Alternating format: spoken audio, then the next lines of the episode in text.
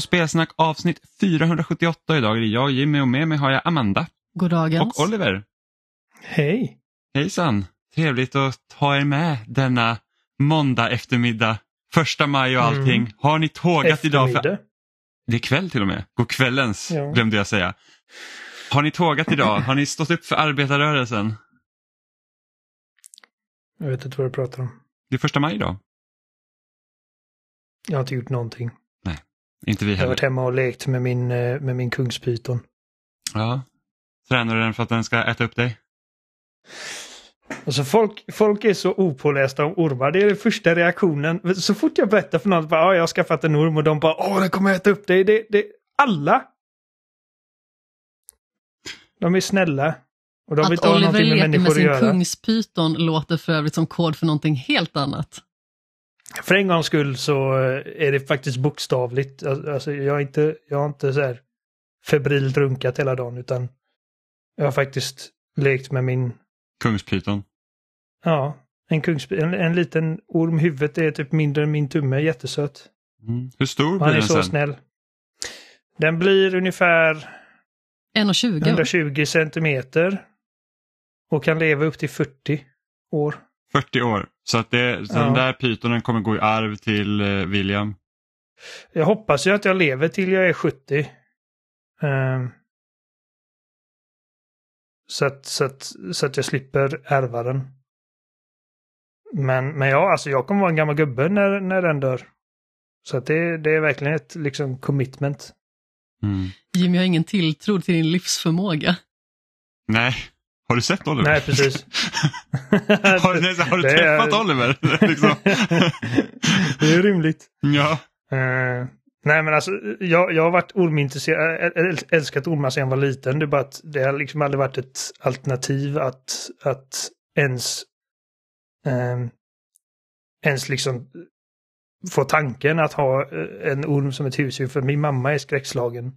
Och sen så träffade jag Jenny och hon är också skräckslagen. Och det har tagit mig typ 15 år att mjuka upp henne inför tanken. Och vi har varit på... Äh, först, liksom för några år sedan, kunde hon inte ens titta på en orm. Men nu kan hon titta på dem och vara, liksom, är ganska intresserad av dem till och med. Jag kan till och med säga liksom att ah, men den, det är en vacker... Ett vackert djur. Och, och nu har det liksom gått så långt att hon kan faktiskt hålla honom.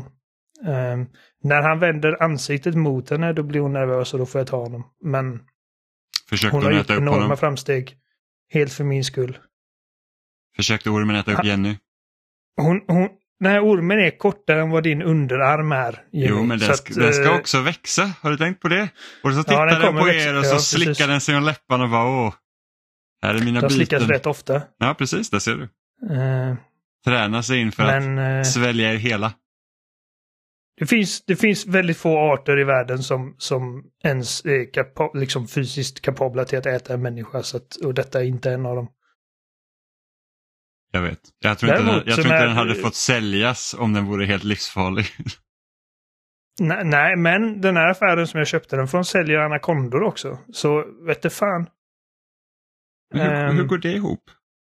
Jag visste inte så att det är lagligt att ha en anakonda för jag tänker att de, de kan ju faktiskt göra ordentlig skada. Liksom. De är ju inte... Alltså folk dör ju bra mycket mer av kossor än, än ormar. Um, men eh, det är alltså en anakonda, liksom en fullvuxen anakonda, det är ändå liksom rätt... Liksom en rätt maff, ett rätt maffigt starkt djur. Um, nu var det i och för sig en gul anakonda. Och jag vet inte exakt hur långa de blir. Ehm, Jimmy och jag sitter anakondan är ju- nickar båda två, som att vi vet någonting. Okej, så de kan bli ungefär 3,5 meter långa, en gul anakonda. Det är ändå alltså, det, det är en stor orm. Ja, det är Ehm. stor. De är ju snabba som fan också. Och jag vet att det var ett fall här för, för bara några veckor sedan. Det var någon i Landvetter i våra krokar av landet. Där en, en kille blev biten av eh, en kompis eh, svart mamba.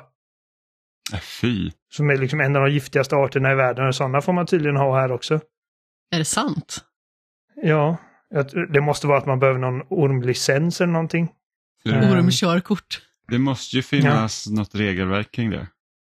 Ja, jo, men det finns licenser man behöver, men de är liksom inte olagliga, bara liksom straight, straight out. Ehm, och det finns, det finns statistik på detta. Alltså, hindra mig nu om något av detta är förvånande för er. Men den absolut största majoriteten av eh, farliga, liksom gift, giftiga ormbett som sker inte eh, eh, alltså i, i fångenskap då, inte vilda ormar, men i fångenskap så sker de med unga män sent på helger. Ja. Ja. Så folk har druckit och det är fest och bara åh ja, jag måste kolla din mamba, jag vill hålla den och så pang och så blödde biten så får du åka till sjukhuset. Um, men han klarar sig tydligen, så det är bra. Ja, men alltså när vi var i Indien, då var vi ute i skogen och skulle ta oss till ett vattenfall. Och då såg vi liksom någonting som såg ut som liksom ett, jag vet inte om man ska beskriva det, alltså nästan en stor myrstack egentligen. Mm. Och då var ju liksom min bror väldigt nyfiken på, ah, men vad är det där för någonting? Och då sa guiden att det där är ett bo som tillhör en svart mamba. Du kan gå och se om den ligger där och sover. Min bror bara, nej tack, det är nog lugnt.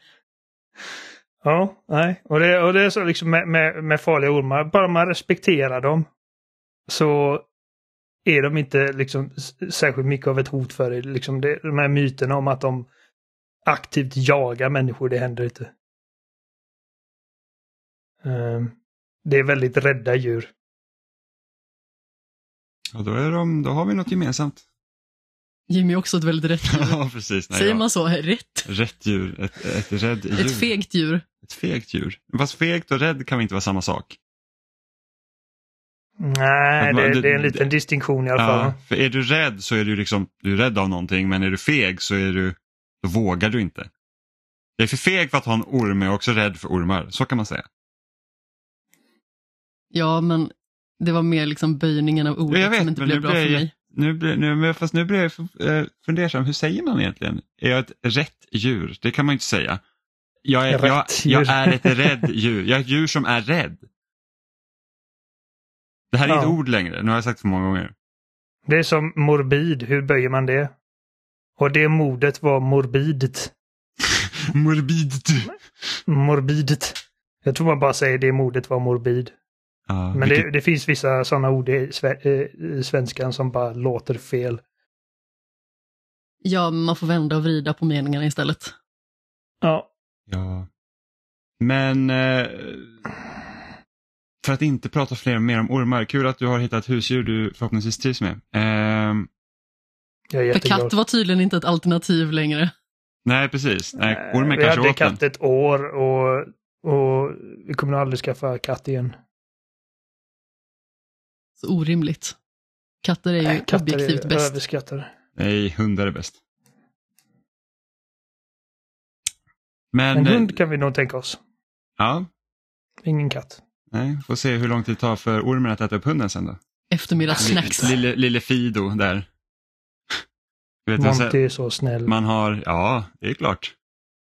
Man ska inte... Tills den kväver Fido. ja, precis. Du ser, har ett litet hus till Fido med den här skylten som är ett benformat och, och Monty tittar på den och bara så mm, stek. De kväver inte, de, de klämmer i så att blodet inte kan eh, cirkulera ordentligt. Och det är då ja, så man dör. Men tänk om de kväver dig vid halsen för att stoppa blodet, då är det liksom lite så här få flugor i en smäll. Men att klämma är väl ändå att kväva? Ja fast du behöver inte... Alltså, ta, ta, det beror på vilket på vilket mordvapen, ta en kudde och liksom tryck mot eh, ansiktet så kanske man inte klämmer riktigt. Men, nej, nej, jag, jag förväntade mig att det liksom var i samma ja, Men nu ska vi inte prata om att vi ska mörda folk. Eller vi kommer prata mer om mord senare. Eh, för vi har, obviously, vi har, pratat, vi, vi har spelat spel och det mesta man gör i spel är typ mörda folk. Men eh, under veckan så, så eh, ingen har ju säkert missat att eh, Microsofts försöker köpa Activision Blizzard, eller det har varit utannonserat väldigt länge och sen så måste de gå igenom en hel lång process för att det ska liksom bli godkänt av konkurrensverk och bla bla i någon liksom olika marknader. Då. Eh, och det är något som har pågått under en längre tid och vi har inte pratat om det här speciellt mycket Eh, för att vi är liksom Nej. inte så här affärsmänniskor liksom, eh, eller ens liksom läser på så mycket men, men i veckan så var det liksom så att det kom ju liksom en ganska stor vad ska man säga, käpp i hjulet för Microsoft för att ja. fullfölja den här eh, transaktionen. Då. Det är det eh, eh, Competition and Markets Authority i Storbritannien har liksom sagt nej till, eh, eh, till den här merchen då. Eller uppköpet. Eh, och vilket är liksom så här att i mångt och mycket så finns det de som tror då att eh, nu den här dealen liksom är död även om Microsoft har sagt att de ska köra, köra appeal och allting så här för att de vill ju såklart köpa Activision fortfarande. Men det här är liksom ett, ett stort problem då. Eh, och anledningen till att jag egentligen vill ta upp det här nu är det för att jag lyssnar på ganska mycket spelpoddar och anledningen till att det här uppköpet liksom då stoppades av CMA, som förkortas som, är det att eh, det skulle göra dem Microsoft för starka inom eh, molnbaserat spelande. Eh, det, vilket, det är weird. Det är, vi, vi kommer dit. Eh, vilket så här, det, det kanske inte är det första vi tänker liksom på att det här är vad Microsoft liksom skulle vara som starkast då. Eh, eller liksom att det kanske inte är där vi som spelar sätter värdet till, till Microsofts grejer och det har jag hört liksom andra spelpoddar också liksom säga. Det är typ att, att molnbaserat spelande är ganska liten marknad idag. Eh, så varför är det liksom det som gör att det stoppas eh, och inte liksom typ Call of Duty och att de kanske blir för starka inom eh, liksom Xbox och grejer. Eh, och, och, och, och då enligt CMA då som säger typ så här att ja, men det är liksom inte Xbox, eftersom, eftersom Playstation är ju liksom typ dominerande i, i Europa och eh, även så i Storbritannien även om det är en av Microsofts största marknader för Xbox. Problemet är att CMA anser att framtiden ligger i molnbaserat spelande.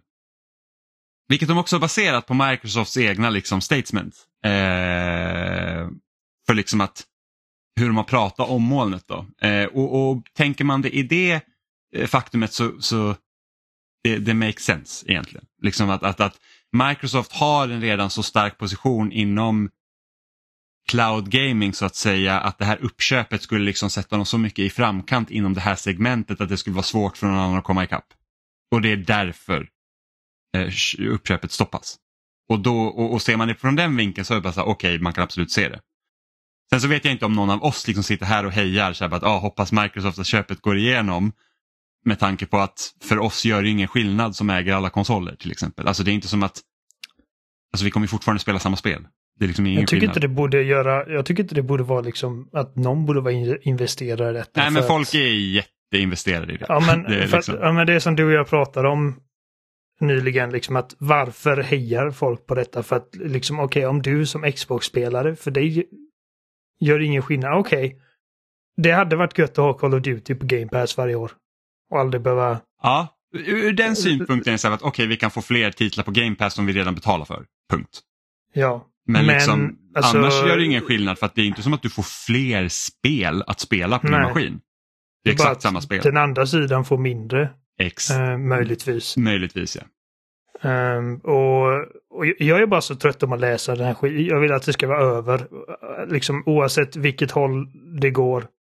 För att som sagt det enda jag känner är okej, okay, ja men det, liksom, det hade fläskat på utbudet på Game Pass. Men det hade också säkert gjort att det liksom, ja, att det hade blivit en eh, prishöjning.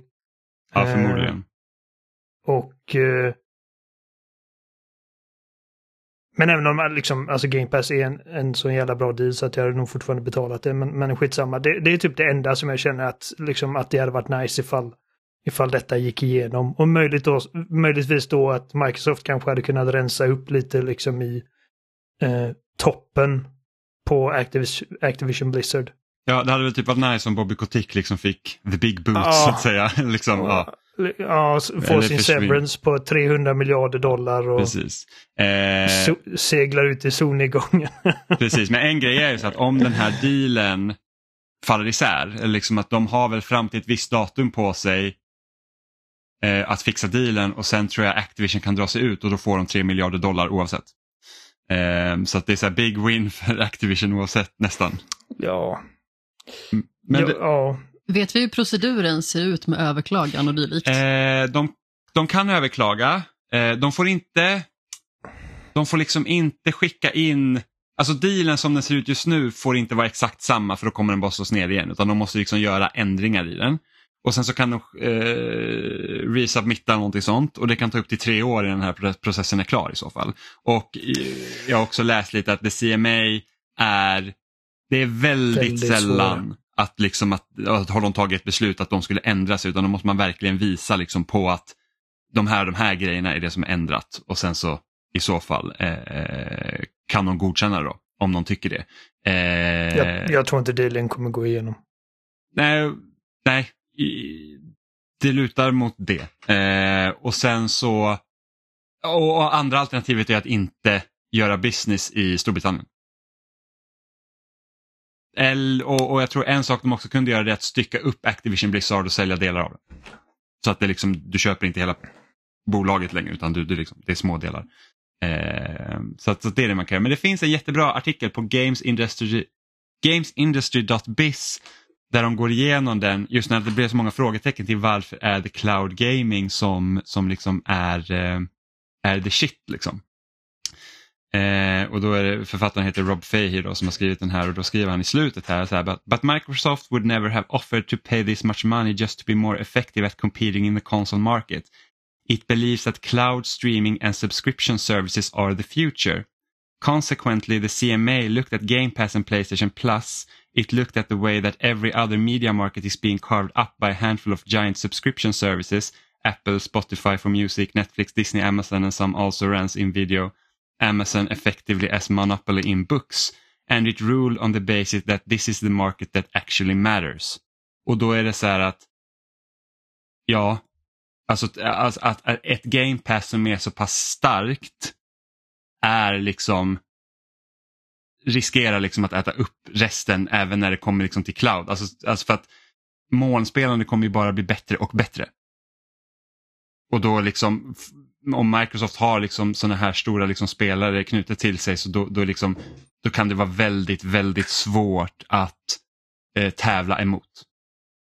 Och det är där jag tror liksom det skaver. För att de hade gjort grejer kring Call of Duty och sådana grejer. Eh, liksom så att eh, liksom köra, köra deals med både Nintendo och så Nvidia och sånt. Att, att ja, men här är ett tioårskontrakt på att vi kommer se till att Call of Duty också finns på er plattform. Men det är liksom inte Call of Duty här som är liksom det som spelar någon roll utan det är liksom okej okay, men om ni har så här mycket till er tjänst och speciellt om de månspelande som blir så stort framöver. Eller vad de tror då också, för vi kan inte veta om månspelande blir så stort men liksom det är väl dit liksom, eh, linjerna går, då skulle det vara svårt för någon annan att, att, eh, att konkurrera inom den marknaden. Och jag, och jag, tror ur den synpunkten så tror jag att liksom deras, eh, deras liksom beslut makes sense. Men precis, och har Microsoft lagt så stor vikt vid just molnspelandet tidigare så är det kanske inte så konstigt att de faktiskt baserar hela beslutet på det. Även att det låter liksom oklart när man liksom bara hör det för första gången så. Ja men precis, för, att, det är för att vi som liksom kan spel, alltså från en, liksom ett fanperspektiv tänker sig bara oh shit de får Call of Duty och de får eh, World of Warcraft och Diablo och allt det här. Liksom. Det är bara wow vilka grejer men det är liksom det är inte, så, det, det är inte där det spelar roll längre. Vad ska du säga Oliver? Jag bara tycker, vad är, vad är det de vill köpa dem för? 39 miljarder? Är det 69 miljarder dollar? 69? Ja. Det är så jävla mycket pengar. Alltså. Och jag förstår att ifall de får dem så, så får de mer än ett par väldigt värdefulla kassakor. Och liksom som business så är det liksom väldigt attraktivt. Att kunna äga Call of Duty. Liksom, alltså som fortfarande är en av världens största spelserier. Um, och World of Warcraft som är den ledande i sin, liksom, hela sin scen. Uh, och alla de här grejerna. Men, men för mig då som sitter med min Xbox och vill ha spännande, liksom välproducerade spel, precis som vi får på Playstation och Nintendo. Um, till viss utsträckning. mm. Så detta är bara så oattraktivt för mig. För att 69 miljarder, vad man kunnat göra med de pengarna för att, liksom, för att göra nya spännande grejer. Istället för att bara titta på vad som är liksom, um, ska man säga, profitable. Mm. Lönsamt. Um, och bara liksom snatcha upp det. Och just det liksom, Microsofts moves de har gjort det senaste, liksom att man, man köper in de här populära, klassiskt multiplattform-utgivarna och studiosarna. Istället för att liksom satsa på, på att liksom göra nästa Halo. Liksom de gjorde det en gång. Eller nästa Gears of War eller nästa vad det nu är. Mm. Uh, för att so Sony, alltså, Sony springer verkligen alltså i cirklar kring Microsoft när det kommer till detta. Ja, men Nintendo uh, också. Nintendo också. Uh, och då ska vi komma ihåg att det är två företag som är väldigt mycket mindre än vad Microsoft är. Ja, ja, ja. Och, och, det tror jag också är någonting som har spelat in i, i liksom det här beslutet. Det är så att ingen av de andra har ens de här resurserna att bara kunna slänga liksom 70 miljarder dollar på att köpa en utgivare. Liksom bara köpa upp konkurrensen. Eh, så det tror jag också spelar roll. Men, men det som också varit så ganska irriterande, eller irriterande, frustrerande med den här konversationen efter också, det är så bara, ah, men vad kan Microsoft köpa istället? Och då är jag inne på, på det som du säger Oliver, så bara, varför ska de köpa någonting? För de har ju fortfarande inte bevisat ja. någonting med det de har köpt. Ett tröstköp. Ja men hittills, alltså, hittills har, vad jag vill minnas så är typ inget spel har släppts liksom så, som har, som har liksom blivit under utveckling under tiden de har köpt typ Bethesda eller de andra studierna. Utan det är, det är alla spel som har varit utveckling under tidigare och sen har de kommit ut. Och liksom studier som man liksom satt ihop för flera år sedan har liksom inte levererat någonting än. Och det är liksom problem med, med Halo och det är pro problem hos Rare och det är liksom det, det, är bara massa problem hos deras studios också. Så det är så här att Alltså fixa er skit på hemmaplan nu innan liksom bara ska köpa upp ännu fler studior känner jag. För att det är liksom så att vi, ni har ju fortfarande inte levererat på någonting och det här, och, och, det här är extra frustrerande för oss som liksom, alltså Xbox är min huvudsakliga spelmaskin och du spelar väldigt mycket på Xbox Oliver och vi har varit med sedan sen mm. 360-tiden och ända sedan typ 2010 så har det liksom varit torrt. Ja, torrt som fan. Och det, alltså, det är löjligt torrt nu. Alltså, var det Redfall, det deras första liksom Next Gen Only eller Current Gen Only första parts titel. Och det kommer inte ens feature complete. Nej, och, och det var väl någon recension nu som hade läckt eh, eller hade råkat bryta embargo och råkat publiceras tidigt. Eh, Flera stycken tror jag. Ja, några stycken och det är, liksom, det är ganska blandade skurar men och jag vet inte, jag, jag, kan, jag kommer inte exakt ihåg källan på den recensionen så att, men det, det, är inga, det är inga liksom det är inga storsidor som man liksom säger wow det där vet jag precis vad det är. Men det är liksom så här, det, det, går från typ så här 7 av 10 till 4 av 10 och det är liksom så här att. Åh oh, gud. Ja men det är typ så här, jag, eh, en tagline var typ så här, jag förstår inte varför de har lagt ihop alla de här systemen med varandra som inte ens liksom funkar bra tillsammans och liksom varför lät man inte Arcane göra det Arcane gör bra typ.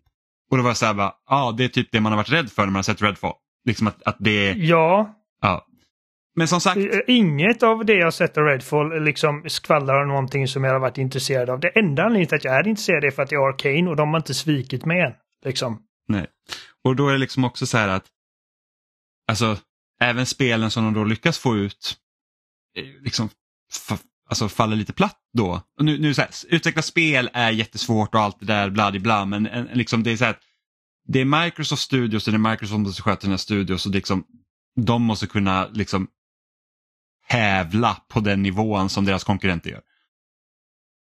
Men jag är inte helt emot liksom, uppköp, av, särskilt av studios, liksom enskilda studios. Jag, kommer, jag var rätt uppspelt när de köpte som Playground var liksom ett, ett uppköp som var helt logiskt. Eftersom att mm. de har arbetat så länge tillsammans ändå och gjort alla de här Forza-spelen. Det var som när Sony köpte Insomniac, det var liksom givet. Mm. Eller typ när de köpte äh... Double Fine och man bara säger att ah, vad bra, då behöver inte de jaga pengar hela tiden för att de är liksom på gränsen till att gå i konkurs hela tiden. Precis, ja. och, och, det var det jag kände också med Ninja Theory. För att Ninja Theory är en sån studio, de, de har liksom äh, varit lite, de har, de har drabbats av liksom budget cuts och nedskärningar. Och det är en studio som jag känner har talangen att göra någonting. Eh, kanske inte på Naughty kvalitet för att det är liksom det krävs en studio som opererar på ett väldigt tight sätt i decennier. Men men någonting åt det hållet. Om man kollar på typ Enslaved. Um, mm. Eller även deras DMC och liksom uh, Hellblade. Som, som, de här spelen som jag kände att okej, okay, det, det, det är sanslös talang och artistisk integritet bakom de här produktionerna. Och de, de förtjänar liksom big budget säkerhet. Eller liksom alltså den trygghet som Microsoft eh, som utgivare kan tillgodose. Och det är också talang som riskerar att gå förlorad ifall de skulle behöva lägga ner. Så där är det ju väldigt bra att det finns Exakt. företag som kan stötta upp bakifrån liksom. Precis, jag, jag, jag hade blivit lika exalterad om det var Sony som köpte Ninja Theory för att mm. de, de har gjort så Hellblade släpptes ju först till PS4 och de gjorde eh, Heavenly Sword för dem. Ehm, det är bara en sån studio som jag, som jag tycker om att liksom, okej, okay, de har eh, finansiell trygghet och liksom i princip fria tyglar nu, liksom rent finansiellt, att kunna göra, att uppnå liksom sin potential. Mm. Um, och eh, liksom när man kollar på Sony när de köpte Bungie, jag bara ja men det, liksom det, det är en sån, ett sånt uppköp som inte som jag hade väntat mig men som, eh, som är helt logiskt för Sony som inte sitter på massor av multiplayer-talang. Ja, och där är väl det är väl ett av mina orosmoln inför liksom Sonys framtida satsningar. Att hur mycket kommer de satsa på multiplayer-universum, live service-spel för att det är, inte, alltså det är inte det jag personligen vill ha. Jag Nej, tror precis. snarare att de faktiskt vill vidga sina vyer för att jag tror att de vet att de här väldigt specifika upplevelserna de har som i Horizon, Uncharted och så vidare, de säljer liksom så pass mycket. Så de vill nog liksom bara kunna vidga sitt spektra lite granna. För de vet att de är väldigt starka på de här enspelarupplevelserna. Som sagt, vi vet ju liksom mm. hur frekvent folk liksom kan tänka sig att köpa The Last of Us om och om igen. Liksom. Mm. Men samtidigt, det krävs typ bara så här, en change in leadership och sen så kan det liksom raseras. Absolut. Ehm, så är det med allt och. För det, det var ju ganska roligt, ja precis så är det ju. För det var ju ganska roligt, för Phil Harrison är ju en av anledningarna till att Microsoft var så himla liksom på med multiplayer-spel Eh, där typ 2010 runt samma, liksom med Kinect. Det var liksom, allt skulle vara multiplayer. Det liksom, Lionhead gick ju under på grund av det för att Fable skulle vara multiplayer till exempel. Eh, sea of Thieves började utvecklas under den tidpunkten och Sea of Thieves är väldigt framgångsrikt för Microsoft så, så, så, så tror inte fel men liksom så att de här single player-upplevelserna vi får liksom från Microsoft, eller som vi knappt får från Microsoft förutom typ när det gäller Halo och Gears, existerar inte på grund av det.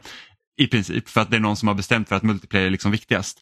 Eh, och det roligaste är att en anledning också till att CMA blockar det här uppköpet då är för att Google inte lyckades hålla Stadia vid liv vilket gör att konkurrensen är mycket mindre. Så att det också stannar under dem. Och då var någon, det var Jason Schreier som tweetade, han bara ah, Phil Harrisons is the reason Microsoft won't be able to buy eh, Activision Blizzard, liksom, vilket är ganska kul. Då. För Phil Harrison eh, ledde ju Microsofts Euro Europa-speldivision då, tror jag.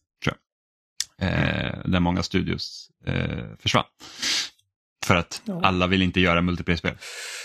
Eh, ja. Enda anledningen egentligen till att det här köpet ska gå igenom det är för att det skulle vara spännande att se vad som händer. Det är väl typ det. Och det är helt av egoistiska skäl. Liksom. För att det, jag är nyfiken på ja. hur det liksom skulle hanteras. Jag tycker också det resonemanget är lite lustigt att uh, prata liksom i termer vad ska de köpa istället. Det är liksom inte som att man går in på Pressbyrån och vill köpa en Noblesse-ask och så finns inte det så köper man en sportlunch istället. Ah, fast jag är inte det. Jag var, jag, när, när jag var ung så var jag ute efter Pokémon Stadium 2. Nej, första Pokémon Stadium till Nintendo 64. Och så gick jag till Nallens leksaker i Enköping och de hade inte Pokémon Stadium men de hade Pokémon Trading Card Game till Gameboy så gissa vad jag köpte. Oh, jag kan gissa vad du köpte. Jag bara menar att det är liksom väldigt stor skillnad här på ett så liksom stort köp som Activision Blizzard och sen liksom ska man köpa någonting i, i form av att bara ha. Jo men precis, mm. men det, det, det jag tycker är så intressant med att liksom då, ska man säga, Xbox-fans då sitter liksom och debatterar, ah, men vad kan de köpa istället? Istället för att bara säga att hallå, Vi vill ha spelen. Punkt. De har ju uppenbarligen resurserna att liksom, de hade kunnat dominera, verkligen. Men nu gör Ja, de men inte precis, det. De så inte, många studios de är som de faktiskt har nu. Alltså jag tror, hade de förvaltat sitt arv från 360 bättre så hade de varit i betydligt bättre position tror jag. Liksom att, att, att Du kan inte ha multiplayer till allt för att det kommer inte finnas tillräckligt mycket Alltså folk, folk har inte tid. Det ser vi liksom idag. Det, det är inte många live service-spel som liksom verkligen lyckas hålla fart. Det är typ, vi har ju så här Fortnite som är stort, Apex, eh, Minecraft till viss del. Liksom. Eh, men du kan ju inte ha som studio ha flera stycken live service-spel och liksom bara så här casha in hela tiden. Utan det, liksom, det Mm. krävs ju ganska så noggrann planering och så, här, Jo, är liksom, så att man inte mättar marknaden helt och hållet. Och det är väl liksom lite det som händer när man hoppar på trender. Som att när alla spel ska helt plötsligt vara Battle Royale. Eh, typ Ubisoft har väl typ tre olika som har liksom gått i graven. För att de, så Nästa här, vecka utannonserar Microsoft att de ska köpa EA, Ubisoft, Take-Two och Epic. Ja, jag tror inte jag, jag, jag tror Microsoft skulle få svårt att köpa någon annan utgivare överhuvudtaget. Eh, ja, men vem även- orkar gå igenom all den här skiten? Alltså, är det ens värt det Ja. liksom vid det här laget? Jag tror att, liksom, jag vet att eh, Bobby Kotick är inte glad på framförallt Sony som har försökt sätta käppar i hjulen. Och Jim Ryan har ju sagt också att jag är inte intresserad av en deal, jag vill bara stoppa dealen. Ja, men För det förstår det man ligger i ju. hans intresse liksom. Ja. Alltså, givetvis. Det hade jag också velat om jag var chef för Sony. Ehm, och ja, jag vet inte, alltså vad, vad, finns det som, vad finns det som stoppar Activision att bara göra liksom bara timed exclusives på allt med Microsoft bara för att spita Sony?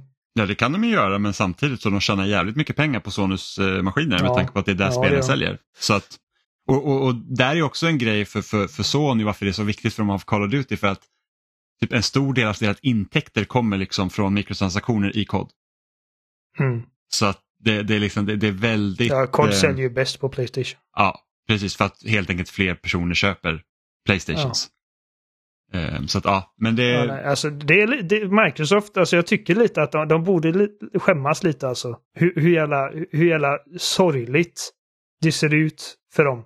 För, för mig just nu, de lever på att de har sån bra bakåtkompatibilitet. Och Game Pass. Och det är i princip det. Jag kan, jag kan inte komma på mycket mer som gör... Men om du har en PC så ser jag liksom ingen anledning till att äga en Xbox. Nej men nej, alltså även så här, säg att du bara spelar på konsolspel och du har en Playstation 5 så finns det ju heller ingen anledning egentligen att äga en Xbox. Nej. Om du inte jätte, jätte, jättegärna vill spela Forza Horizon och Halo. Ja, precis. Det är två spel. Ja men precis, det är liksom det. Är det. Eh, Och, och, typ. och de, precis, och de hade mått bättre idag än vad de gör. Om, om det inte vore för att Halo inte är, mår lika bra idag som det gjorde för 15 år sedan. Liksom. Nej men där ser man ju Ehm. också, det är ju problem inom 343 och det är liksom varit, alltså Ja. det kom ju rykten under Jävlar. hela våren så här typ om att ja men de byter motor, det är liksom 343 går typ på life support och att liksom så här att de kanske inte ska utveckla nästa Halo typ. Det är liksom det, de det- dementerat, men det snackas Jo, väldigt men- mycket. Ja men det är klart att de Och- dementerar, alltså oavsett om det är sant eller inte så är det klart att de dementerar det. Och, så, och han, uh, Staten, eh, har hoppat av för att göra spel för Netflix. Ehm, och eh, ja, som sagt, hela den här Redfall-grejen liksom med att eh, ja, så, de, de kränger Xbox Series X under löftet om att det här är liksom den kraftfullaste jävla konsolen på marknaden. Och så kommer Redfall som inte liksom är liksom så. Det, det är inte så att det är liksom bildskönt på samma sätt som något av Sonys grejer är. Liksom Horizon ser alltså grissnyggt ut. Och det klarar att köras i 60 bilder per sekund. Eh, och det är lätt för mig att sitta här som inte kodar spel.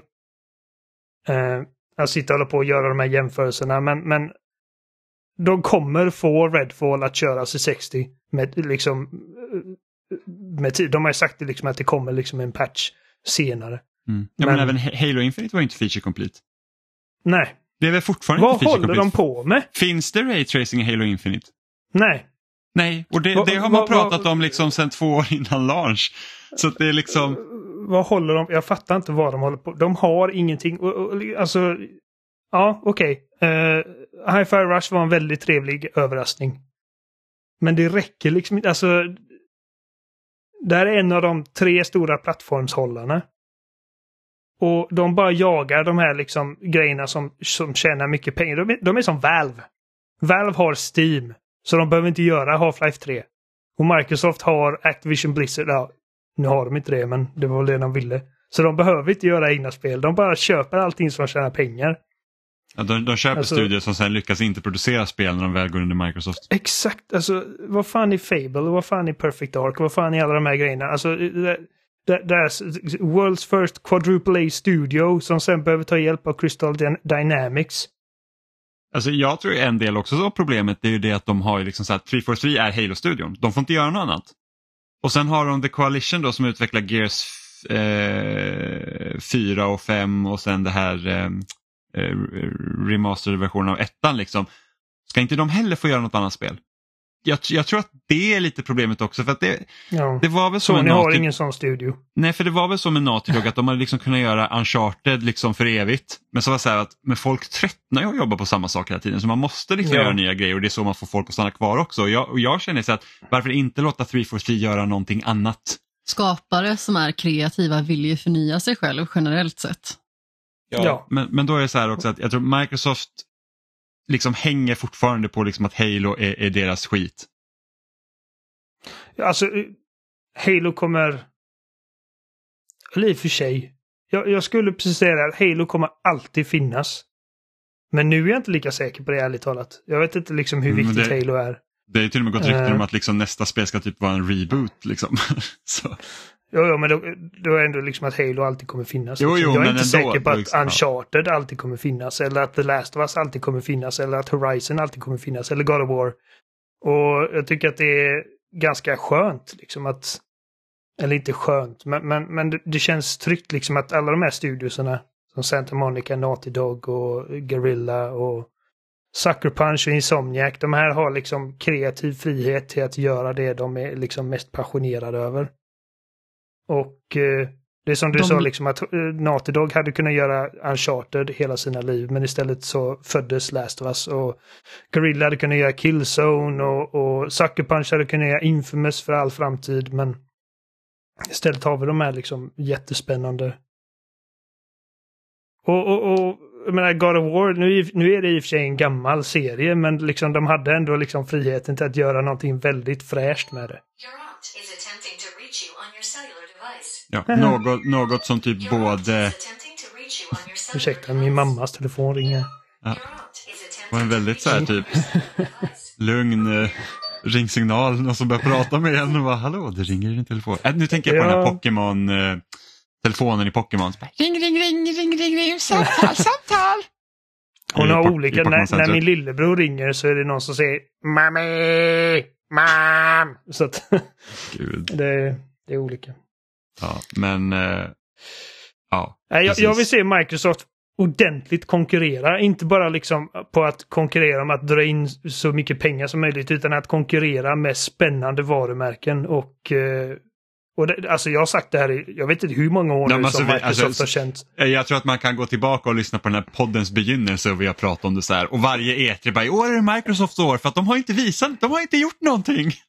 Och så kommer man till E3 och man bara så här, ja, det var en hel del av ingenting i år igen. Nej, Men alltså det känns som att det finns tendenser liksom av ha-galenhet hos Microsoft och det de har som verkligen är riktigt starkt, det är ju liksom tekniska lösningar och erbjudanden som folk uppskattar.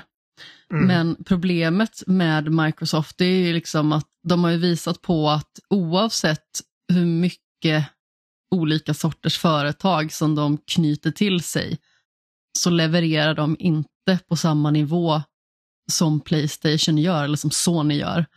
Just bara för att Sony har ju liksom så otroligt många varierade starka kort som en väldigt bred målgrupp dras till.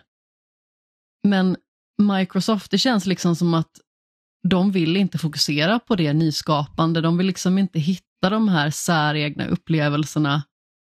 Eller så är det liksom att de ser liksom inte förbi de här potentiella gigantiska kassakorna på något sätt.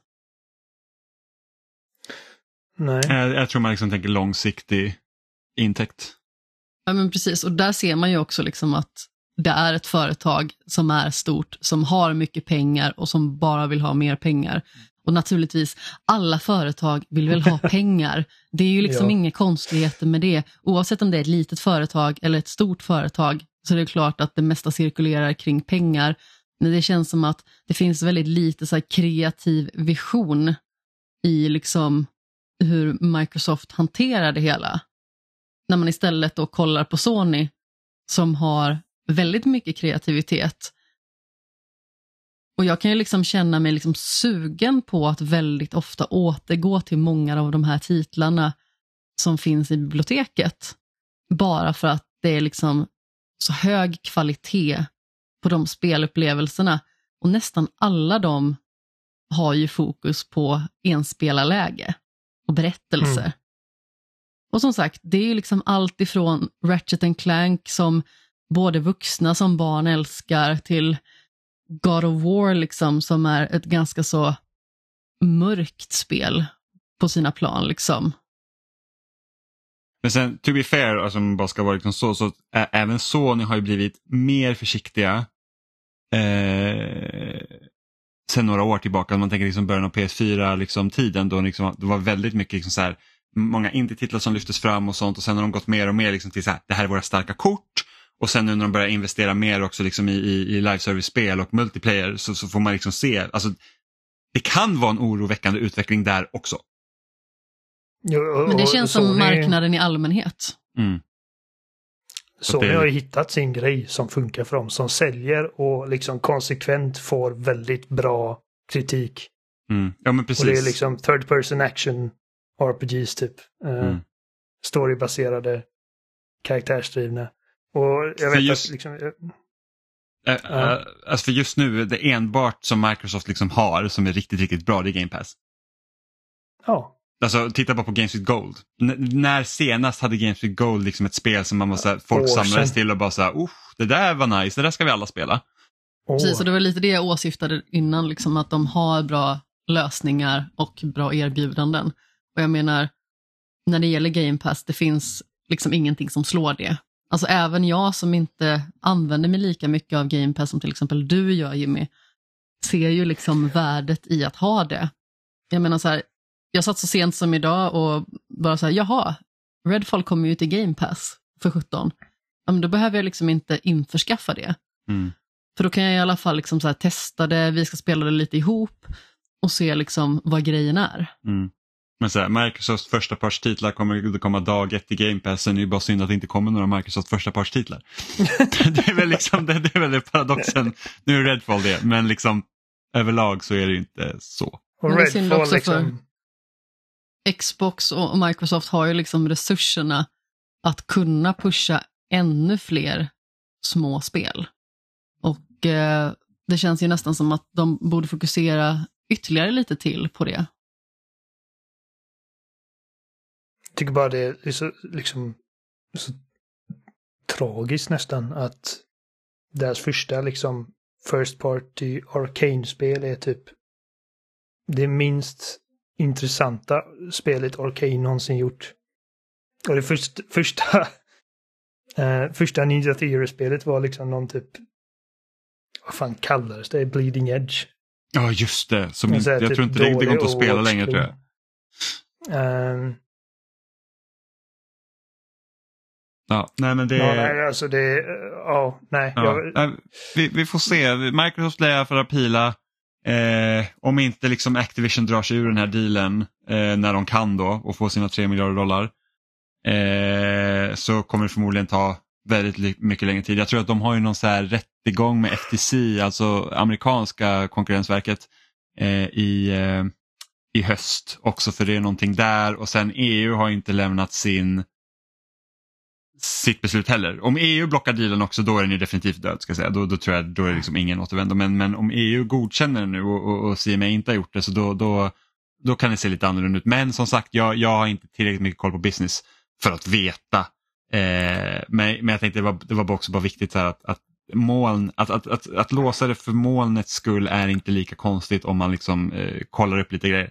Eh, och så. Men, men som sagt, det är inte det sista vi har hört nu. Det, är liksom, det fortsätter.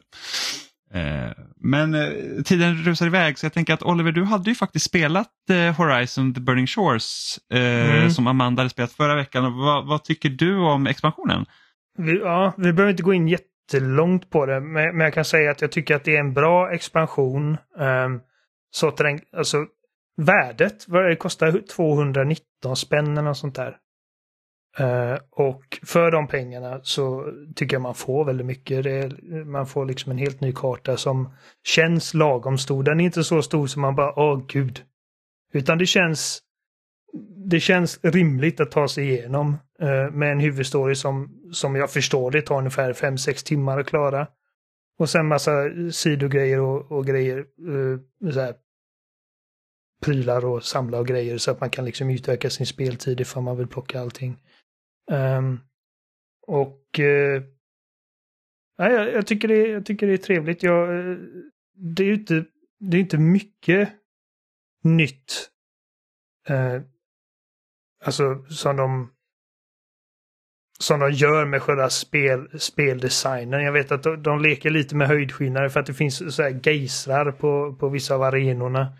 Som man kan liksom ta sin sån här glidewing eller vad det kallas och, och, och skjutas upp lite så att man kan få typ ett, fågelperspektiv på fienderna.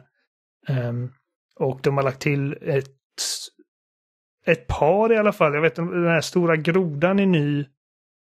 Och eh, en vattenvariant på, eh, på Sunwing, Waterwing kallas den här, som, som gör att man kan flyga och dyka och det är jävligt coolt att kunna dyka Det är ner under fantastiskt. vattnet.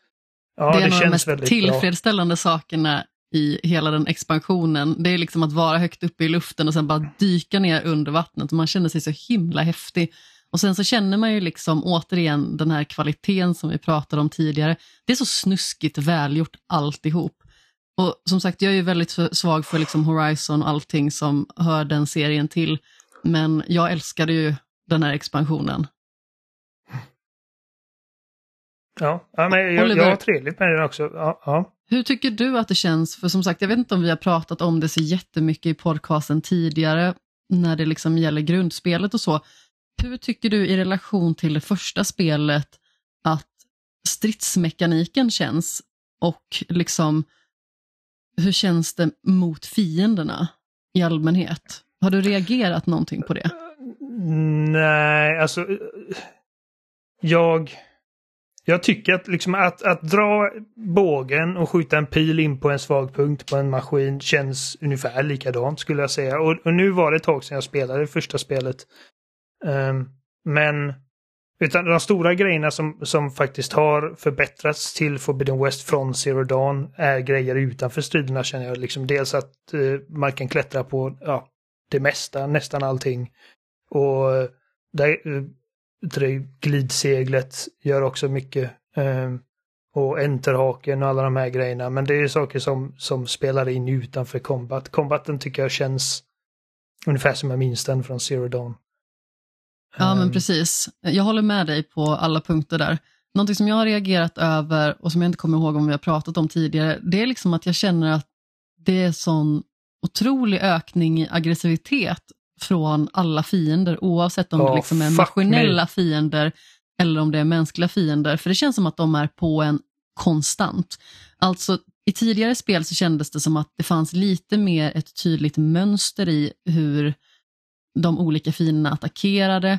Och visst, naturligtvis så är det ju inte så att de behöver vara snälla mot den och liksom ge en mycket andrum. Men det känns som Nej. att man inte får något andrum alls att ladda om. Jag hade liksom en strid där det var de här jättepaddmaskinerna. Jag, jag Och det är tror liksom jag vet två exakt stycken på samma gång. om. Ja, precis. Och då är det Jag- dessutom de här små svävarmaskinerna också på en och samma gång. Och alltså, i och med att det tar lite tid för Aloy att resa sig upp när hon får en stor smäll. Alltså det var ju i stort sett de här två paddorna satt på Aloy och liksom bara fortsatte med attack på attack. Och jag kom ju läst- nästan inte ut därifrån helskinnad bara för att attack avlöste attack. Och det tycker jag känns liksom så himla konstigt. Att det finns liksom ingen form av omladdning nästan. Och samma sak gäller egentligen de mänskliga fienderna, att de kan liksom bara mörsa på utan någon form av hejd egentligen. Ja, de mänskliga fienderna har inte haft så, så mycket problem. Och det, det är väl en grej, liksom rent kombatmässigt, som faktiskt är betydligt bättre än i första spelet.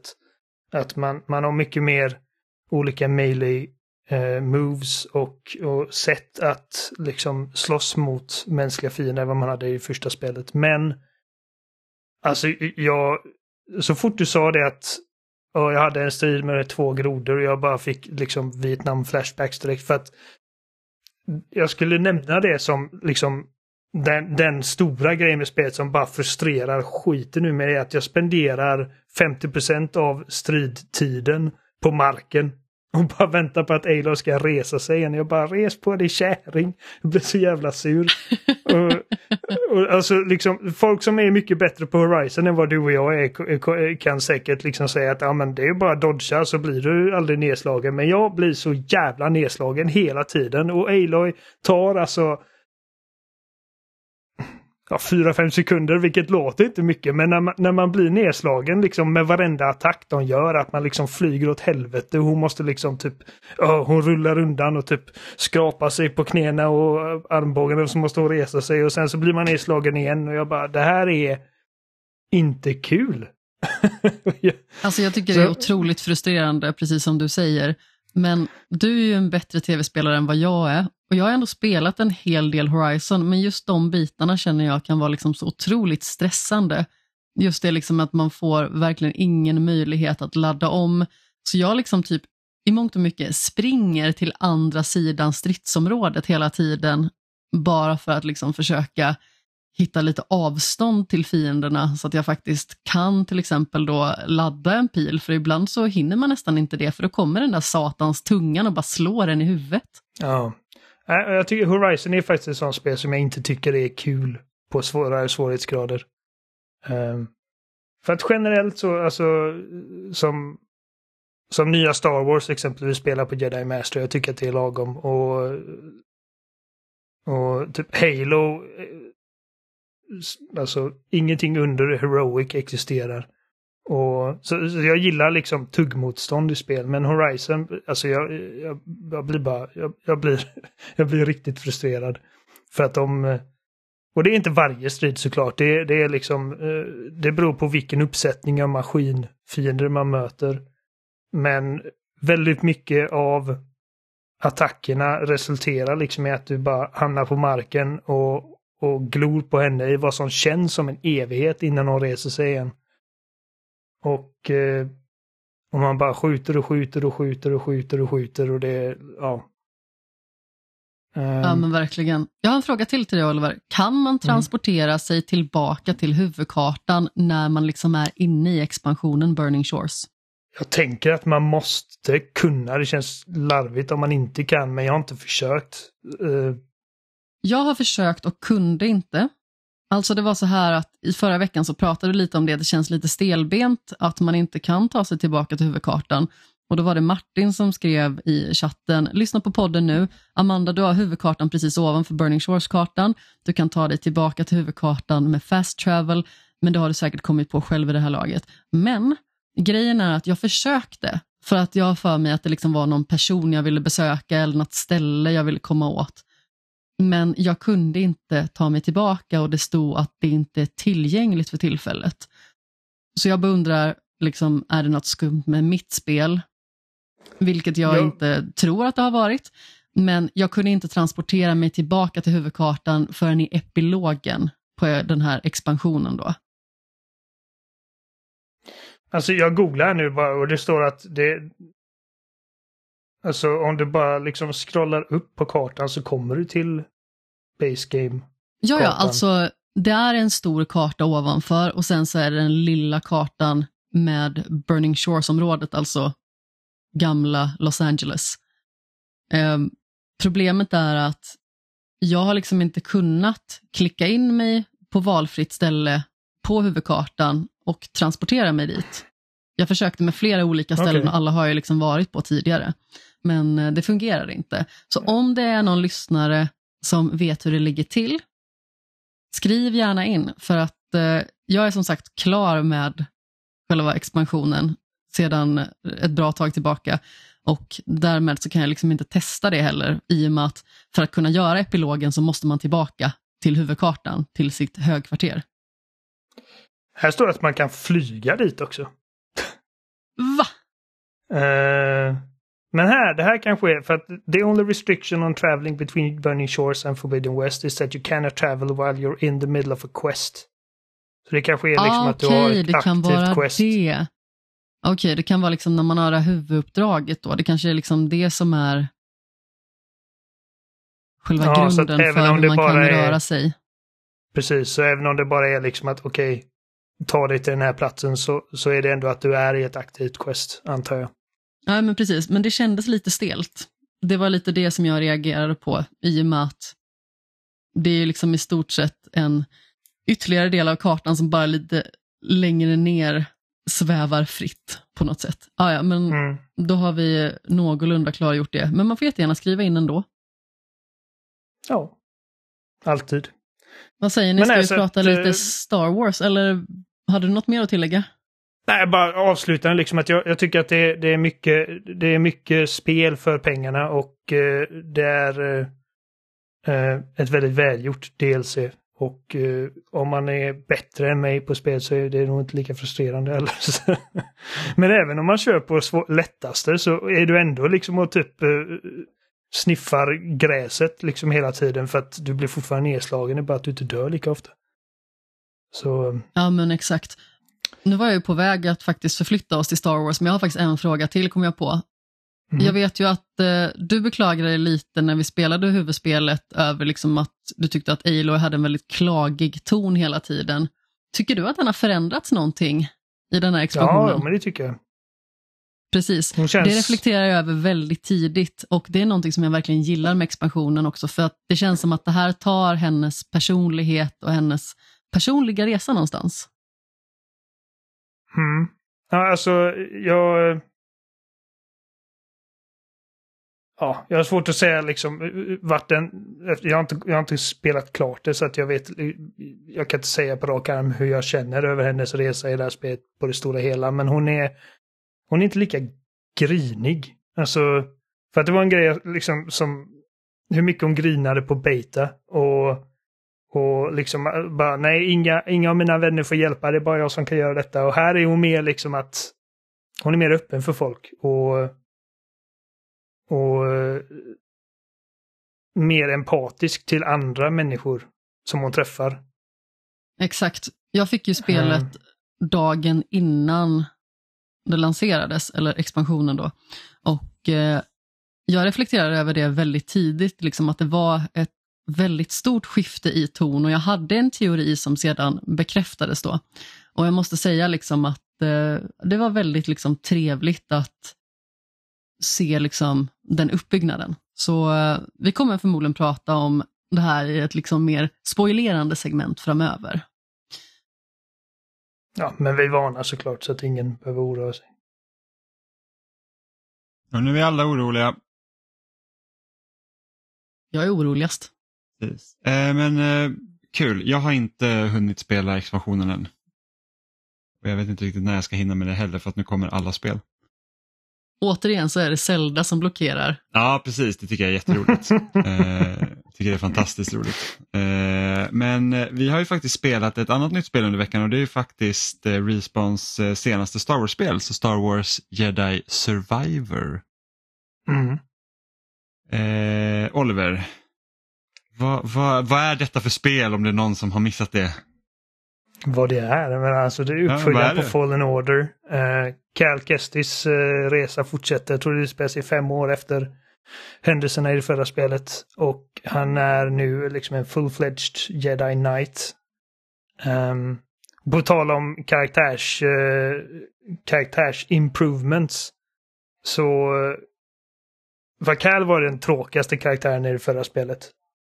Och inte han för att han var en den beige mannen som i macken. Ja, inte för att han var en horribel karaktär på något sätt eller att han var liksom kastskådespelare eller någonting. Men, men han blev konstant liksom outshined av alla supporting characters.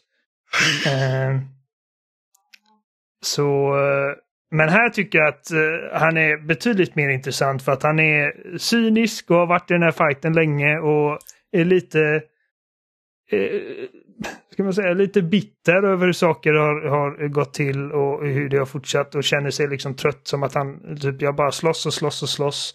Men jag gör ingen skillnad, imperiet bara växer sig starkare. Han, han, har fått lite, han har fått lite hår på pungen så att säga. Han, han är han är en betydligt mer, eh, ska man säga, inte tredimensionell kanske, men, men eh, han har ett djup som, som man kanske saknar lite i förra. Eh, och, Han är inte lika tråkig, Nej. även om han är lite tråkig. Okej, ja, eh, jag, jag, tycker, jag tycker att det är en, alltså en väldigt ett markant hopp framåt för hans karaktär. Eh, Men jag tycker nog fortfarande liksom att vissa av hans eh, av sidokaraktärerna är, är fortfarande liksom snäppet mer. Men nu, nu, nu, nu hoppar vi i förväg här. Alltså, så, så det, det är det är vad, vad spelet är. Det är Respawns nya Star Wars-spel. Och Mm. eh, jag får säga, alltså Respawn är nog, alltså, om inte de är liksom EAs bästa studio just nu. Jag vet Ja, inte det är ingen, vem det är ingen annan som gör spel. Nej, jag skojar bara. Äh, äh, De släpper ah. massa sportspel, men det, det är väl nog deras mest produktiva liksom, eh, studio. Men även kan kvalitativa liksom. Jag tycker att allt de har gjort har varit riktigt bra. Alltså det, det enda som... Det krävs lite puts. Precis, de, de är, de, det är lite rough around the edges och även den här gången. Så att, så att medan jag har väldigt roligt med spel och tycker att spelet är riktigt bra och vi går in lite mer på vad, ehm, vad de har förbättrat om en stund. Just nu vill jag bara prata om spelets liksom tekniska situation. Eh, PC-spel, PC-versionen ska tydligen vara helt Trasig. jag, ja, jag vill inte säga det för att jag har inte liksom kollat själv och folk kanske överdriver. Men, men den ska i alla fall vara sämst av dem. Och då tycker jag ändå att jag spelar på Xbox. Jag antar att Jimmy också spelar på Xbox. Ja, jag spelar på Xbox. Och Och Amanda. jag på Playstation 5. Ja. Eh, Xbox-versionen är, den är inte horribel. Men gud vad, vad, vad svajigt och inkonsekvent det är. Så först vill jag eh, spela det på, på performance. För att det här är ändå ett spel som inte till samma, liksom, i samma utsträckning men som säcker och kräver liksom en viss timing för att, för att liksom eh, för att det ska kännas bra. Det, det är baserat på pareringar och grejer. Och då vill man spela på performance mode. Eh, och det, performance mode är bara liksom, alltså jävlar. Inte bara liksom att det inte håller 60. För att det gör det fan inte. Det är också screen tearing och det är pop-in och det är massa jävla skit.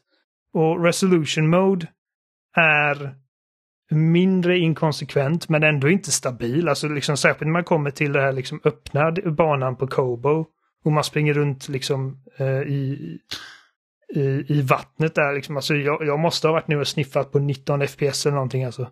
Oj, jag, Eh. jag har inte haft typ några drops alls. Inte jag heller. Gud, Det är jätte... ni Fast, ljuger. nej, jag lovar. Alltså jag har haft...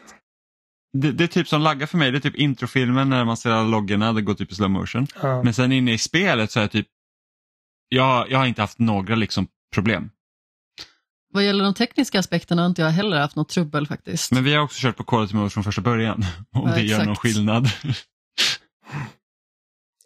Alltså, jag, jag vill inte spela ett sånt här spel på quality mode, men, men, men jag gör det. För att det är som sagt, det är... Även om det inte håller 30 FPS för mig så är det i alla fall inte lika mycket screen tearing och eh, inte lika mycket annan skit eh, som händer. Men, men det är väl liksom typ texturer som bara inte vill ladda in ordentligt.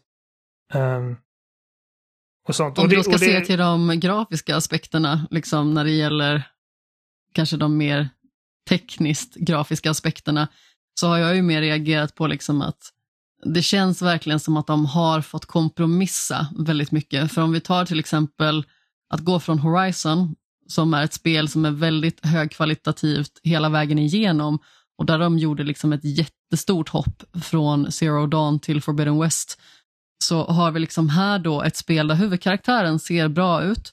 Några väldigt betydelsefulla sidokaraktärer ser väldigt bra ut. Världen är liksom estetiskt tilltalande, den är tjusig. Sen så har vi vissa sidokaraktärer, de är riktigt fula alltså. Vilka tänker du på? Alltså i allmänhet. De flesta sidokaraktärerna de ser ut som skrutt. Jag reagerar på det liksom flera gånger och i synnerhet liksom i början när man har liksom ett gäng som man tar sig runt med och liksom som man möter upp med. Då känner man verkligen så, uh, det, Ja, det här är det- karaktärer som inte betyder någonting. Det, det har jag inte reagerat så mycket på. Jag, har inte... Du har säkert rätt. Menar, liksom... Alla ser inte jätteintressanta ut. Det är vissa särskilt liksom människo-NPCer med hjälmar på skallen. Man bara, det är- det väldigt... Man Men knappt se inte bara att de inte ser intressanta ut, utan det var liksom den biten att det såg liksom illa ut i allmänhet, liksom hur karaktärerna var utformade, eh, hur deras synkronisering rörde sig. Det såg liksom inte tjusigt ut. Och då kände man liksom direkt att när det kom en karaktär som kanske skulle vara lite mer betydande, då syntes det så enormt stor skillnad. Och då blir det liksom ett väldigt stort hopp när man kommer från Horizon, där de faktiskt har lagt manken till ordentligt och eh, fokuserat ännu mer på de här sidokaraktärerna som man kanske bara träffar en gång och sedan glömmer bort. Ja, det, det är lite jarring för att nu har jag spelat liksom Horizon och Star Wars lite sida och sida och det, det råder ingen tvekan om att Horizon är ett snyggare spel. Men det är också lite orättvis jämförelse kanske. Jo, Ehm, jag bara menar att det blir liksom så påtagligt när man kommer från ett så otroligt visuellt tilltalande spel rent tekniskt. Och sen så Mm. går man till det här som, alltså när det gäller liksom den estetiska biten och de har en vision liksom med hur alla platser ska se ut. Det ser ju kanon ut. Alltså som sagt, det är väldigt många ställen som är ganska så, ska man säga, screenshot-vänliga för Jimmy. Ja, precis. Jag har tagit mycket bilder. Mm.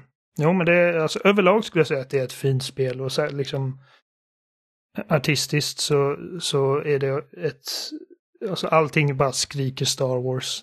Och, eh, och jag tycker att eh, liksom bara sett till Cinematic-produktionen har också fått sig, nu var det bra även i Fallen Order, men jag tyckte liksom, fan det var en mellansekvens tidigt i spelet där de blir jagade av TIE Fighters. Jag bara, det här är liksom alltså, riktigt välproducerat. Um,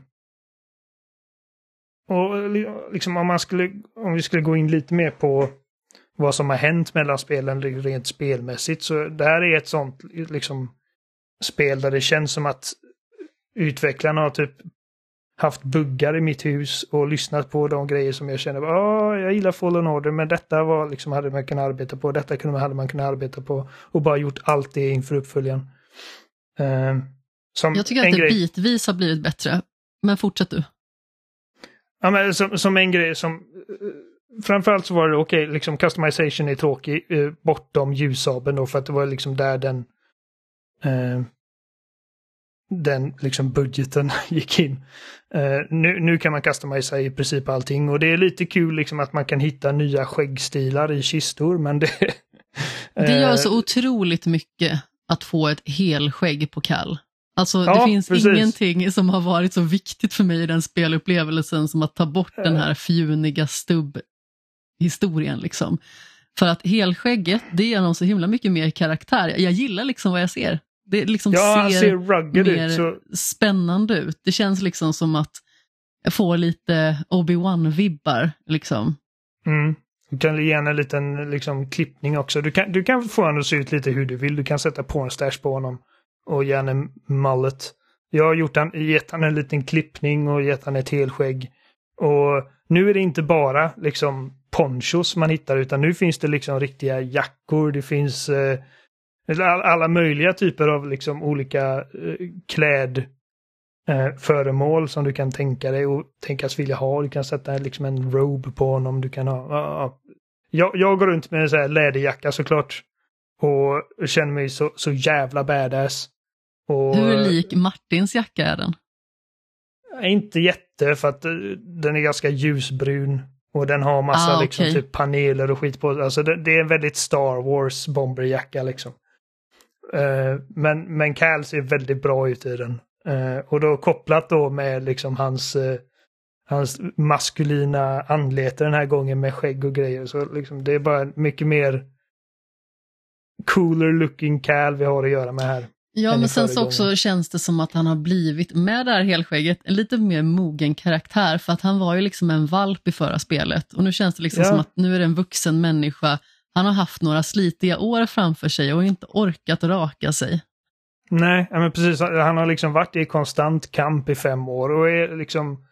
Och jag tycker att gruppdynamiken är rätt intressant också för att uh, man är ju inte med, med, med förra spelets besättning direkt i det här spelet utan man presenteras för dem liksom allt eftersom och det är ofta liksom lite, ja det är kul att se dig men det är ändå den här liksom typ lite bitterheten från Cals sida, liksom att de inte har följt med honom i det här liksom ändlösa korståget. Ungefär som att han liksom klandrar dem lite för att de inte orkar kriga hela tiden och gått vidare till andra grejer. Eh, det, ja, det, liksom, jag uppskattar den, lite den, det djupet i den dynamiken. Och som sagt att man kan se eh, hans krigstrauma på honom lite när han pratar. Och eh, alla de här grejerna gillar jag. Och, och sen också en grej som jag tyckte var som jag tyckte saknades i förra spelet var liksom att alla, alla platser man åkte till var väldigt liksom wilderness och att det var djungler och, och, och ställen där du typ dödar liksom stora spindlar eller stora drakar eller vad det nu kan vara. Och här har de mer liksom att man, man får besöka settlements och liksom bebodda platser som känns liksom lived in. Och träffa karaktärer och utöka liksom ett litet samhälle. Um, Och sen liksom nya coola uh, lightsaber stances. Det, den enda grejen som jag kan peka på nu förutom då det tekniska. Som är liksom, fy fan vad tänkte de här? Det var att de begränsade till bara två stances samtidigt. Jag vill kunna switcha mellan alla fem. När jag vill.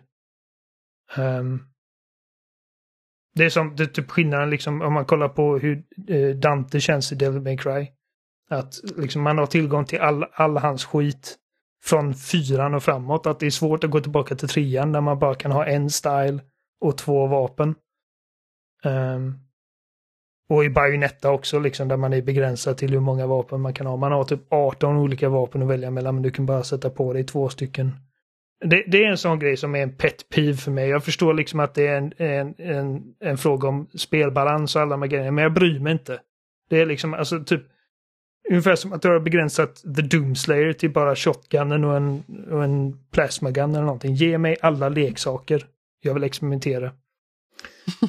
Ehm, sen, sen, jag tror att i slutändan när det kommer till liksom vilket spel jag kommer föredra mellan de här två så kommer det handla om hur storyn urartar sig i slutändan. För att jag tycker att förra spelet hade en mer omedelbar hook. Medan här tar det liksom några timmar innan man känner okej, liksom nu vet jag liksom vart vi är på väg och vad, ehm, stakesen är. Ja, den är ganska så anonym i början. Ja, men det, det är liksom gamla van. Det börjar liksom med typ bara som vilken liksom, vilket fuck you the empire-uppdrag som helst. Det har liksom, har liksom ingen enorm bäring annat än att de bara liksom eh, ska liksom få lite information från en Empire Senator i princip. Eh, så att liksom den, den, den stora liksom, alltså själva eh, hooken i plotten händer inte förrän några timmar in. Och, Och eh, sen så händer saker som det känns som att man som spelare ska förväntas bry sig om för att Cal bryr sig om det, men jag bryr mig inte. Utan att spoila någonting. Jag vill bara liksom få ur mig det. Ja, jag har inte kommit jättelångt. Jag har liksom presenterat för vad jag antar är liksom eh, huvudantagonisten i spelet. Ja, men alltså det här är Eh, precis i inledningen av spelet, så det har du spelat. Men eh, det bara liksom kändes som en så konstig grej att vi presenteras för vissa saker som sedan liksom då, eh, ska man säga, det är någonting som man ska bry sig om och sedan när skit händer så känner jag att det liksom finns inget att bry sig om. Okej, jag tror, jag tror jag vet vad du menar då. Ifall vi snackar liksom väldigt tidigt. Ja, men precis, det är Eh, precis ja, i jag- inledningen. Jag bryr mig inte heller så mycket annat än att jag bara nästan förväntade mig. Vi behöver inte gå in på det. Eh, men, nej, nej, men eh, exakt. ehm, men som sagt, jag tycker att storyn, storyn fungerade väldigt väl i förra spelet. Jag tyckte att Trilla var en väldigt spännande skurk. Ehm, och hittills känner jag inte samma eh, samma liksom dragkraft till den nya skurken. Och Eh, den övergripande liksom, eh, ska man säga, konflikten. Så eh, Ja, nej. Liksom bara sett till liksom moment to moment gameplay så tycker jag att liksom alltså de förbättringar som har gjorts är väldigt många och de går liksom att peka på och, och eh, det är påtagligt liksom att de har definitivt lyssnat på vad, vad fans ville se förbättrat inför uppföljaren och verkligen liksom eh, gjort något åt det. Um, men som sagt, i slutändan kommer det hänga mycket på hur storyn i backspegeln står sig jämfört med förra spelet. Jag tycker fortfarande att eh, det liksom inte känns tillräckligt finslipat. Som sagt, det finns många nya aspekter som man kan peka på som liksom känns positiva i liksom utformningen och sådär. Men någonting som jag tycker känns opolitligt, det är liksom hur Cal rör sig i miljöerna. För jag tycker att han stundtals känns otroligt sladdrig. Eh, I synnerhet när det gäller till exempel klättring och sånt. För att det finns ju ganska så många ställen där man behöver klättra runt, man behöver liksom skifta saker som man håller i och så vidare. Och jag kan tycka att det liksom känns lite opolitligt. Jag litar liksom inte riktigt på att han ska ta tag på de ställen man förväntar sig att han ska ta tag på. Eh, Så det tycker jag känns lite knivigt. Jag vet att du tyckte lite samma Jimmy, eller hur? Ja, jag tycker att Cal känns klumpig många gånger, speciellt under liksom plattformssegmenten. Så att, typ att ibland så ja, men hoppar man av en linbana så börjar han springa åt fel håll när man ska liksom springa på väggen. Eller liksom att ibland tar han inte tag i linan. Han, han är lite klumpigt eh, med tanke på hur mycket man, eh, man ändå eh, hoppar runt och plattformar. Eh, vilket jag tycker är lite synd. Även om det också är en bättre här än vad det var i förra spelet. Jag kommer ihåg att vissa segment, speciellt när man är på Wookie-planeten till exempel, om man ska åka de här jäkla typ rutschkanan liksom, så ska man hoppa och, och där missar han ju typ flera gånger. Och då känns det nästan liksom som att man vet inte om man ska göra så.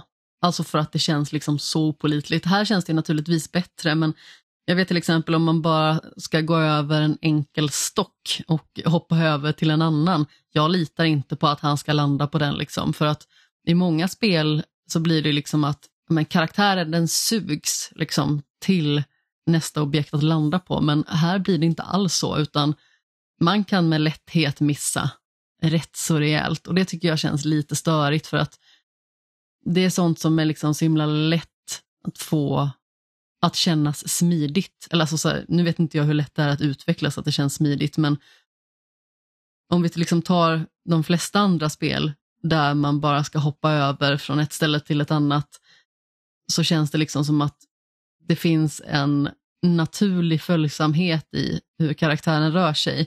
Men här känns det liksom som att man skulle kunna hoppa käpprätt åt fanders. Eh, och jag liksom vet flera tillfällen när man ska då typ landa på en, en pelare och sen hoppa vidare till nästa. Så jag satt ju verkligen och spände skinkorna och fokuserade å det fullaste bara för att här, sikta in mig på pelaren, hoppa över till pelaren. Okej, nu har jag en till. Kommer jag verkligen att träffa den? Kommer jag bli mulad av det lilla svinet där nere? Ja, det är lite osäkert. Så det känns liksom som att det finns inte en eh, precision i de bitarna. Och jag förstår ju liksom att det handlar kanske ganska så mycket i att det finns en frihet i hur Kall rör sig liksom. Men samtidigt så blir jag väldigt stressad över hur opolitligt det känns. Och jag vet när jag hängde tag i någon sån här, eh, kallas det typ vinranka liksom. Där jag då eh, kom åt hoppknappen. Och då tog inte han tag igen, utan han bara släppte taget. Han bara, jag ger upp. Jag orkar inte hålla kvar här. Det är intressant för att ni säger att era spel presterar perfekt och jag sitter här med frame drops från helvetet men jag har helt effortless plattformande. Och era plattformar, det fungerar inte. Har, du- har du aldrig varit med om att han, du ska liksom vägghoppa och sen så helt plötsligt bara springa åt andra hållet istället? Han tar liksom inte tag i saker och det är liksom inte det att det är liksom osmidigt eller att man ser att det hackar till i bilden eller någonting sånt, utan det är bara så här. Här tänker inte karaktären greppa. Eh, hoppar man till exempel om man hänger i ett räcke, hur jag tänkte att man skulle kunna ta sig upp på ett ställe, ja men då släpper han räcket efteråt. De flesta spel, där hoppar karaktären, okej det finns ingenting att ta sig till över, det går inte att komma upp här. Då tar karaktären tag på nytt. Han bara släpper. Jag känner inte igen något av detta. Det var en gång som jag hoppade mot en skivstång. Och, inte, och han inte tog tag. Men annars, så han har inte sprungit fel på de här väggarna eller, eller släppt från några klätterfästningar. Väggarna har inte jag haft problem med, men ofta när det liksom gäller klättringen eller att man liksom ska hoppa på smala objekt, liksom där det finns en liten yta att landa på. Då känner jag att jag litar inte på spelet för fem öre. Det är möjligt att- ni har kommit längre än mig och jag kommer uppleva de här grejerna om en stund. Ja, Men, Men- jag tror att ehm, jag tror att jag försöker manipulera spelet lite väl mycket för att det jag gillar med det här spelet egentligen för att det de egentligen har utvecklat från föregångaren att där var det ju väldigt mycket relativt linjära banor liksom eh, med viss liksom bredd. Mm. Eh, och här, jag tycker att få, eh, Survivor känns mycket mer som ett typ 2000-talets plattformsspel i, i den benämningen liksom att de här planeterna är liksom mer större banor för dig att leka runt på. Eh, och att de Särskilt har liksom, Kobo. Eh, Precis, Kobo, men även liksom de mindre planeterna också. Eh, och just det att tror du att du kan komma upp någonstans, då kan du förmodligen göra det. Och där finns någon hemlighet som du kan hitta. Eh, Så Ja. att jag försöker ju, alltså jag, jag trycktestar ganska mycket och liksom så här, bara, jag tror att jag kommer upp där och sen så försöker man vissa grejer och sen så, ja, så går det mindre bra. Liksom. Eh, för att eh, jag tycker att Cal är lite bångstyrig.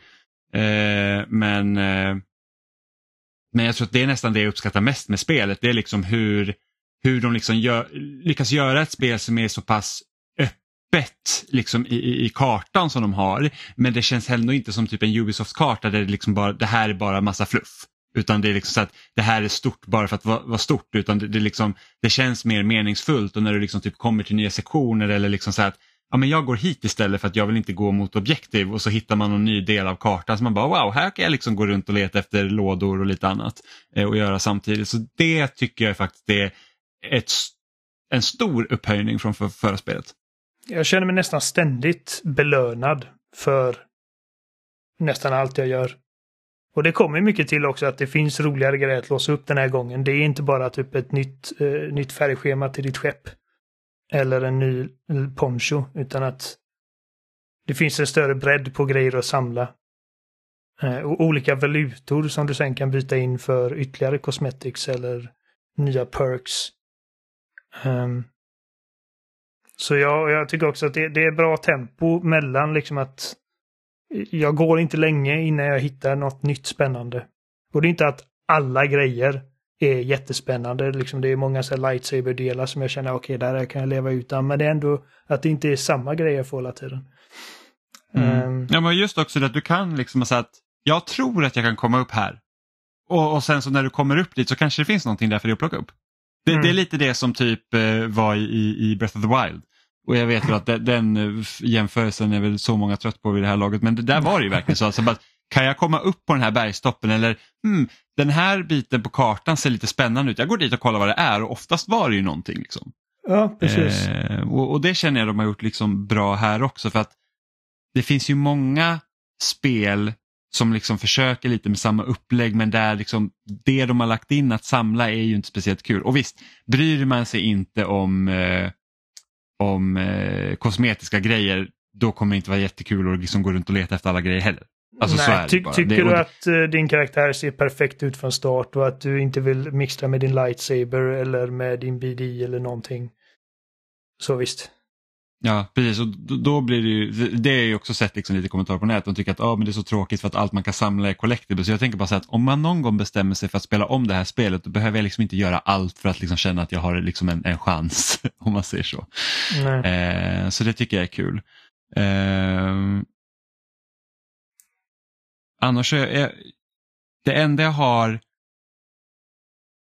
jag, jag vet inte, vi pratade om det för någon vecka sedan när jag hade spelat Ghost Song också, vilket är så 2D Metroidvania som har liksom väldigt mycket Dark Souls-influens. det är så bara att hur, alltså, det finns väldigt många spel idag som liksom har Dark Souls-fierade grejer där de egentligen inte behövs. Jag känner väl mer så i det här spelet än i det förra att liksom att det hade inte behövt vara åt Dark Souls-hållet, om du förstår vad jag menar.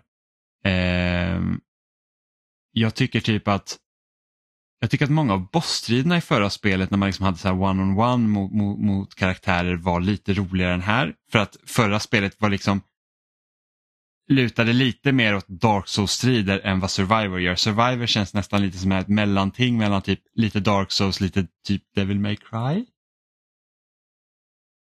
liksom att man säger att det får gärna vara ganska många fiender på skärmen om man så vill. Och sen så kanske du har någon liksom ett stort åbäke som du också ska slåss mot. Och sen har man liksom den här att man låser in sig på fienden men den liksom det, jag vet inte, jag, jag, tycker att det känns sämre här. Då kan inte jag spela Fallen Order sen det var nytt heller så det kan också bara vara jag som så här hittar på att det kändes lite bättre på vissa aspekter. Men här jag känner så här att jag hade nästan haft det så att det var att striderna kändes lite mer åt mer åt Devil May Cry-hållet det här med att du kanske inte behöver låsa in dig på specifika fiender och att liksom att Cal vet lite själv vart man ska typ slå. Jag vet inte om jag förklarar det här på ett bra sätt men det, det är bara så att det är inte alltid vi har låst fast kameran mot en fiende vi vill slå på. Mm. Och jag tror att jag hade nästan föredragit om det var lite mer, alltså kanske typ lite mer Batman än Dark Souls. Och sen också så här att här är det verkligen, du bestraffas hårt om du buttonmashar utan du får verkligen ja.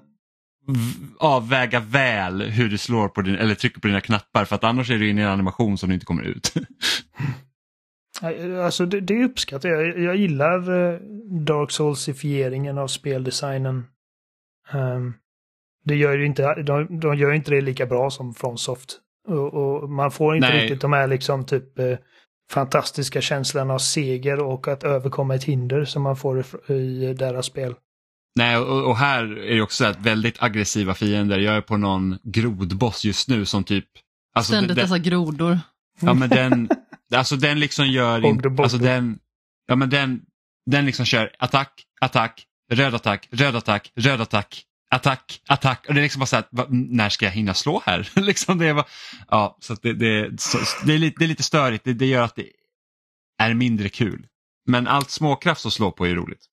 Jag tycker att det är väldigt roligt att du ändå nämner att du inte har spelat Fallen Order sedan det släpptes och att du liksom inte kommer ihåg så himla mycket av liksom hur det kändes och sådär.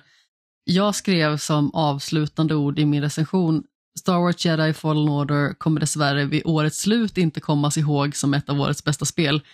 Det jag känner i nuläget, jag kommer nästan inte ihåg någonting av det spelet. Ah, det var ett av mina favoritspel i året. Lätt. Alltså som sagt, jag tyckte att det var ett bra spel och jag hade roligt när jag spelade det. Och jag tyckte att det behövde ganska så mycket tillslipning förvisso. Mm, Men det var ändå jo. liksom en njutbar upplevelse på det stora hela. Um, men jag känner bara så här att jag minns typ ingenting. Och jag hoppas att den här upplevelsen kommer vara betydligt mer minnesvärd liksom på det stora hela. Ja, nej, jag, jag älskar Fallen Order. Ja. Men det, det, det kryssar många av mina boxes också. För att det är liksom en, en typ av spel som jag, som jag älskar och, och en Trippel A-spel från EA. nej. Uh, nej, inte nödvändigtvis, men, men, uh, men som sagt, men jag älskar Dark Souls-spelen och jag älskar Star Wars framförallt och jag, och jag tycker att jag tröttnar aldrig på, på att svinga ljusabeln i det spelet. Uh, det blir aldrig liksom trist att att ha ihjäl Stormtroopers. Um, Och jag, jag tyckte att storyn var en, en väldigt serviceable Star Wars-berättelse. Eh, Som tydligen inte för egen del var så minnesvärd. nej, nej, Jag kommer bara ihåg i Fallen Order så typ slutet när man liksom typ flyr från Darth Vader var så jäkla maffigt. Det var mäktigt, absolut. Och det, jag undrar om de kommer ha liksom någonting som kommer i närheten av det här. de lär ju inte ta in Darth Vader igen. Det Nej, känns som men en jag undrar om- cop-out. Nej, jag- nej precis, men jag, men jag undrar liksom vad, vad har de försökt toppa den liksom grejen? För att, för att jag tycker ändå att både det här och förra spelet knyter in sig liksom i, i Star Wars-låren ganska bra. Ja, definitivt. Ja, det, det, Så långt ja, minns jag. De, de lär ju ha försökt toppa det, men sen när man lyckas, för att det, det, det är lätt liksom att när man tar in Darth Vader så blir det nästan per automatik en väldigt stor grej liksom. Och hur, hur, hur kommer man då upp i de topparna utan att förlita sig på Darth Vaders liksom eh, star power? Det vet jag inte riktigt. De tar in kejsaren den här gången. Ja, men det var ju så snyggt de gjorde också för att det är så att du kan inte slå Darth Vader, du måste liksom fly. Nej, Ja men precis, och det visar ju också hur svag man liksom är då i relation till liksom en så ondskefull karaktär. Det, liksom, det finns ingen chans, det är liksom bara att lägga benen på ryggen. Och det tycker jag ändå liksom är bra. För det känns liksom Dis- inte rimligt att man ska kunna ge honom på nöten. Nej, precis. Post Disney-köpet, alltså Disney-eran av Star Wars har varit väldigt bra på att göra Darth Vader läbbig. Eh, och respektingivande. Ja, alltså typ Darth Vader har aldrig varit läskigare än vad typ i Rogue One i slutet. Nej. Det var verkligen så här, man bara alltså shit, vilken grej. Nej, så att, eh, ja nej. Ja, men jag, jag har höga, höga eh, förhoppningar på, på allt det där. Ehm,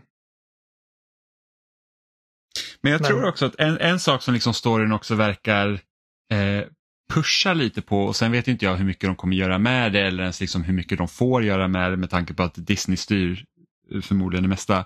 Eh, vad för typ av berättelse man kan berätta men det är ju så här att och det börjar man redan med i The Last Jedi, nej inte Last Jedi, jo. Men Vad heter den? Vad heter mittenfilmen i, i nya trilogin? The Last Last Jedi. Jedi. Jo, det är The Last Jedi. Ja, tack. Eh, det är just det också här att Jedi-orden kanske liksom är lite orsaken till att saker och ting ser ut som de gör. ja. Och det är lite här också man försöker pusha på det och det är ju betydligt mer intressant än liksom den här vanliga typ att ja, men man är hjälte och liksom vi slåss för de goda och vi ska slå de onda utan liksom det här att man, man introducerar lite så här att menar, alltså, vårt, vårt system vi har i samhället, liksom, vi har jedi och liksom sättet de för sig kan vara orsaken till att vi överhuvudtaget har någon som liksom typ kan kalla sig the dark lord och bara säga jag hatar allt. Liksom. ja. Eh, alltså, och, och det hoppas jag att de gör någonting mer intressant med för att de har, de har liksom introducerat vissa av de aspekterna Ja men verkligen. och så får vi ju se vad som händer. Jag vill inte spoila mer än så men det är liksom så att gillar man The Last Jedi liksom var de typ så här liksom hur Luke beter sig, liksom de frågorna han väcker kring jedis och liksom lite så här att hur, hur synen kring de här veterankaraktärerna har då, då tror jag att man också kan finna det här intressant. Eh, sen så hoppas jag inte att jag det tycker blir alltså... en- Ursäkta. Hoppas att det inte... Nej, nej, nej, men jag bara hoppas bara inte att det blir så här typ att, ja men skitsamma, typ som Rise of the Skywalker, de bara äh, Ja. vi, vi, vi gör Reddit-filmen istället. Precis. Alltså, man kan ju lätt se det som att uh, Anakins fall till den mörka sidan är ju minst lika mycket liksom på Jedi-ordens händer som det är på eh, kejsaren. Mm. För att liksom att de bara uh, avfärdar alla hans, liksom alla hans ångest som bara ah, du måste släppa detta. Mm. eh, och, och jag Tänk tycker, positivt.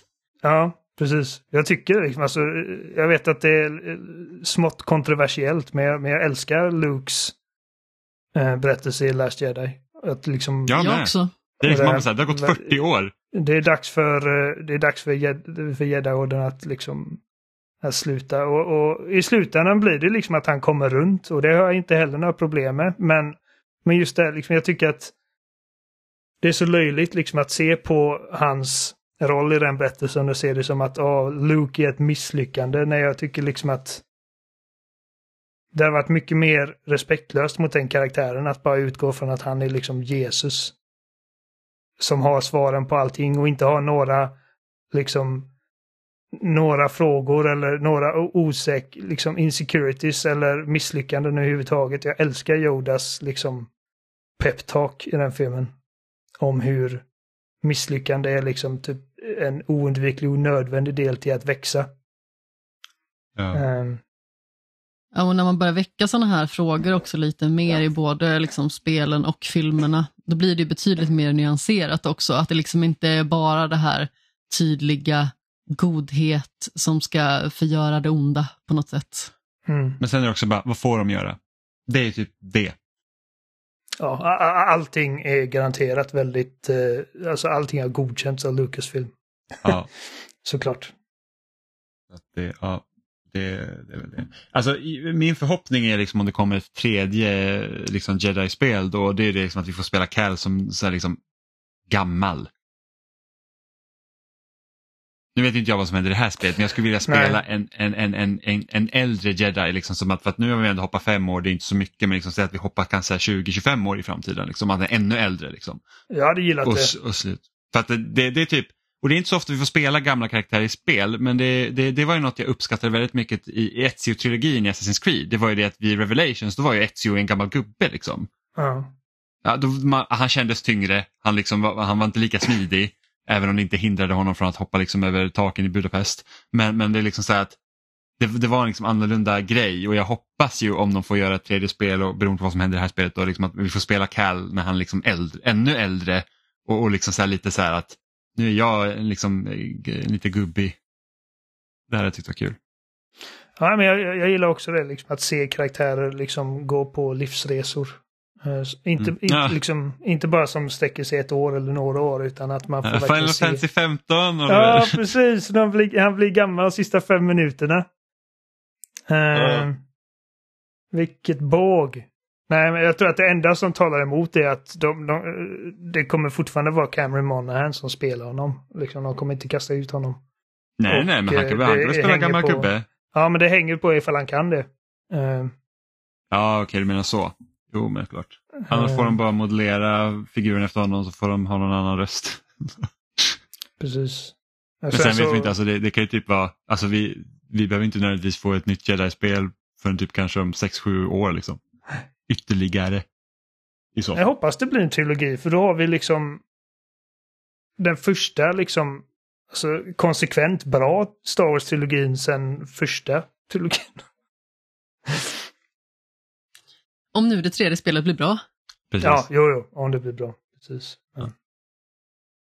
Men det, det, ja, jag, jag är nöjd hittills. Jag tycker att upplägget är nog det jag gillar mest liksom med det. Det, det, är, liksom, det, det är lagom öppet och det är ganska kul liksom, att springa runt och kolla på de här olika liksom, eh, grejerna och lösa lite små pussel och sådana där saker. Jag är nog den av oss som är mest anti det Dark Soulsiga. Men det är ju också för att jag är sämst av oss. Jag tror att du har dåligt tålamod. Det har gått bra hittills. Och dåligt självförtroende kanske. Amanda Nej, dör men två alltså- gånger hon bara det här är omöjligt. Nej, inte att det är Åh, omöjligt, men vad jag blir jag göra? förbittrad. Och det är nog bara för att jag känner att just den biten, det är verkligen inte min kopp te. Jag är ju för- personen som liksom hittar en grej och så kör jag på den liksom i 30 timmar tills jag upptäcker att ah, okej, det funkar inte längre. Jag, jag gillar att e- experimentera eh, och, och testa nya saker. Och, och jag vet, jag frodas under... Eh, typ som, jag vet inte om ni mött Rancoren än.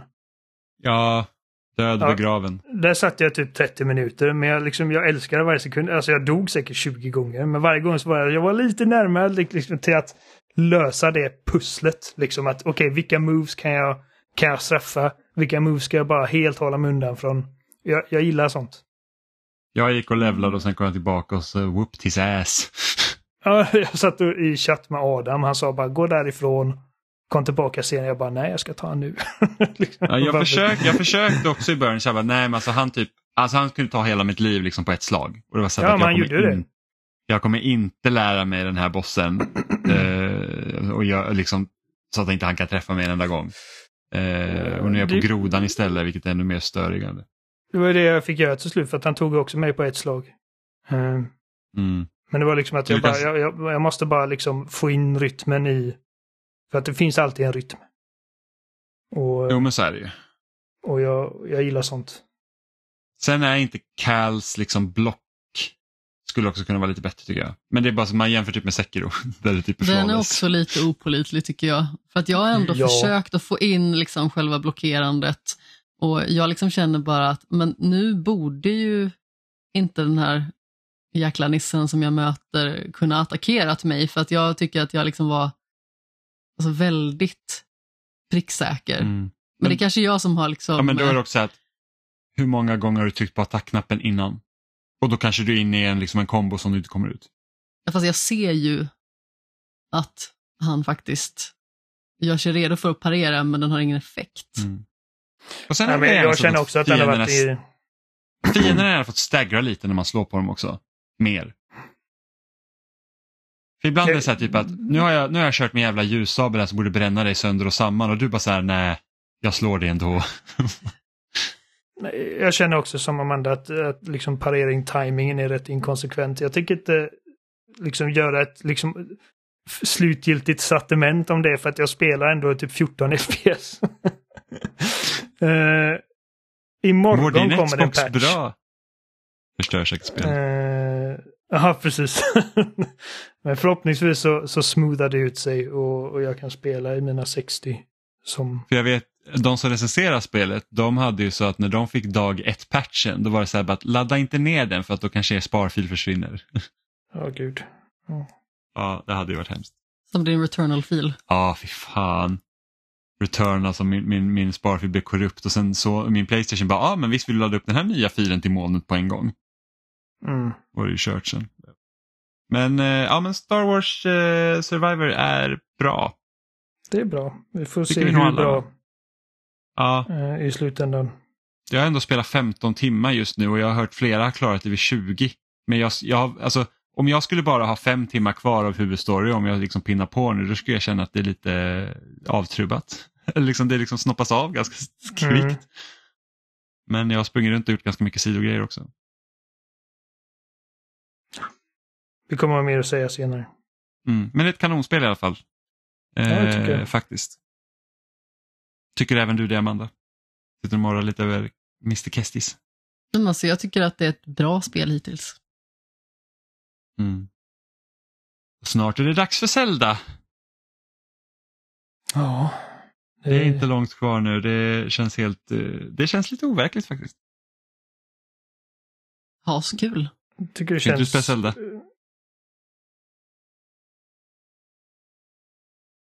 Vem Jag pratar vet med nu? inte. För att jag sitter och väntar. jag, jag, vet, jag, jag vet ju att du kommer spela Zelda. Och, Ja. Ja, Jag ska få recensera Zelda vet jag i alla fall. Så att jag kommer förmodligen sitta på två exemplar av spelet i alla fall så du får det igen. Ja, jo, men eh, potentiellt. Amanda, kan du få spela ett bra open world-spel för en gångs skull? Håll i hatten nu. Ja, det, det är nu vi förstör Horizon för Amanda för evigt att hon spelar Zelda. Hon bara, ah, varför kan jag inte gå upp här? Ah, varför kan jag inte göra sådär? Ja, Nej, det tror jag inte i och för sig. Nej, det tror inte jag heller. Amanda kommer bli träffad av blixten första gången och sen så bara, vad i helvete? Sus helskägg, vad Spelförstörande. händer? ja, ja. Eller typ när hon klättrar upp ett berg och så bara stämmer allt och så, så bara, vad fan Link? Du var så nära När kanten. det börjar regna när man är halvvägs Ja. upp för ett berg. Man ja, bara glider, glider ner. ner. Det är spelförstörande. Hmm. Ja. Nej, men det var nog allt vi hade för den här veckan. Så att eh, ni hittar Ja. oss som vanligt på spelsnack.com där också finns länkar till alla ställen vi finns som eh, Youtube, Facebook, Twitter, Instagram. Ni hittar oss i er favoritpodcast-app som Spotify, Apple Podcasts eller RSS-flöden. Ni kan också mejla till oss på kontaktspelsnack.com eller byta ut kontakt mot något av våra förare, spelsnack.com ifall ni har frågor, funderingar eller vill att vi ska diskutera någonting specifikt. Och ni kan också kommentera på loading.se där avsnitten kommer upp eh, varje onsdag. Säg vad ni tycker om Microsofts blockering av, eller inte Microsoft, CMAs blockering av Microsoft-köpet och hur känner ni? Xbox-spelare, hur känner ni inför hur Xbox, Ni två. inför Xbox Ja, men, eh, Jag är genuint nyfiken på liksom så här Die Hard Xbox-fans, liksom vad de känner att de får ut av Xbox som de inte kan få ja. någon annanstans. minus Game Pass? Minus Game Pass, precis. Minus Game Pass, vad är, liksom, vad, vad är det som gör att ni så får stanna kvar i det ekosystemet? Eh, precis. Det hade varit kul att veta. Men jag stannar kvar Men- med det för att jag har varit där så jävla länge så jag har så många Ja, spel. samma här. Och liksom så här att jag äger så många spel digitalt. Det är bakåtkompatibelt. Ja, Typ det. ja Amanda, nej men tills yes. nästa vecka. Ja. Vi hörs nästa onsdag. Hej då! Puss i ljumsken. Hej.